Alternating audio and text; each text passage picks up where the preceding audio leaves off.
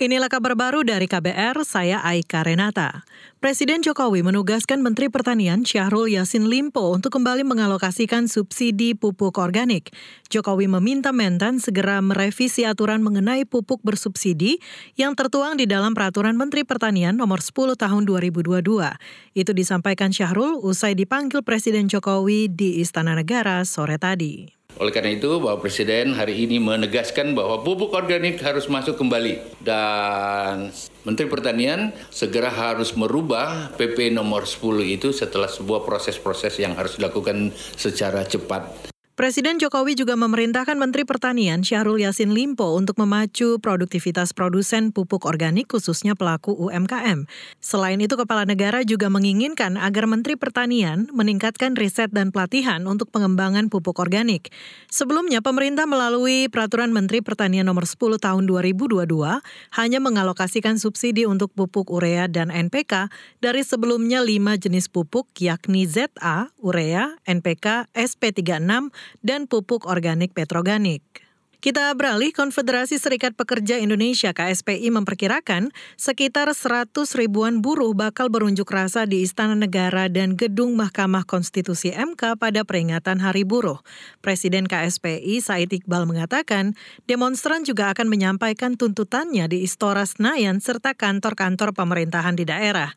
Ia menyebut para buruh bakal menyuarakan sejumlah tuntutan, salah satunya yaitu pencabutan Omnibus Law Cipta Kerja dan RUU Kesehatan Kesehatan. Saya ulangi, cabut Omnibus Law Undang-Undang Nomor 6 Tahun 2023 tentang Cipta Kerja, cabut parliamentary threshold 4% dari suara sah nasional, sahkan RUU PPRT, tolak RUU Kesehatan, reforma agraria atau land reform, dan kedaulatan pangan. Dan yang keenam adalah pilih calon presiden 2024 yang pro buruh Presiden KSPI Said Iqbal menambahkan aksi di Istana Negara akan berlangsung 1 Mei pada pagi hingga siang hari. Ia berharap nantinya ada perwakilan istana yang menemui buruh dan merespon tuntutan tersebut. Aksi itu rencananya akan dilanjutkan dengan pelaksanaan May Day Fiesta pada pukul 13 waktu Indonesia Barat di Istora Senayan, Jakarta. Beralih ke informasi lainnya, Saudara, Komisi Nasional Hak Asasi Manusia Komnas HAM meminta Kementerian Komunikasi dan Informatika Kominfo segera memblokir ribuan akun penipuan yang memiliki modus mempekerjakan orang di luar negeri. Komisioner Komnas HAM Anis Hidayah mengatakan modus itu berkaitan erat dengan perdagangan manusia di media sosial.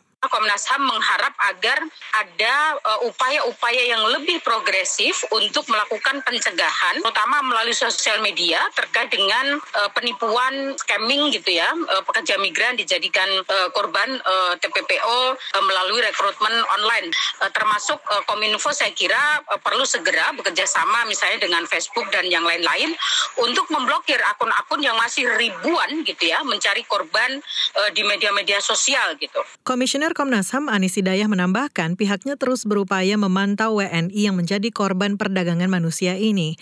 Ia juga meminta kepada seluruh kementerian dan lembaga terkait segera memberantas TPPO. Sebelumnya puluhan WNI di Myanmar yang menjadi korban perdagangan manusia karena ditipu iming-iming dari agen TPPO. Demikian kabar baru dari KBR. Saya Aika Renata.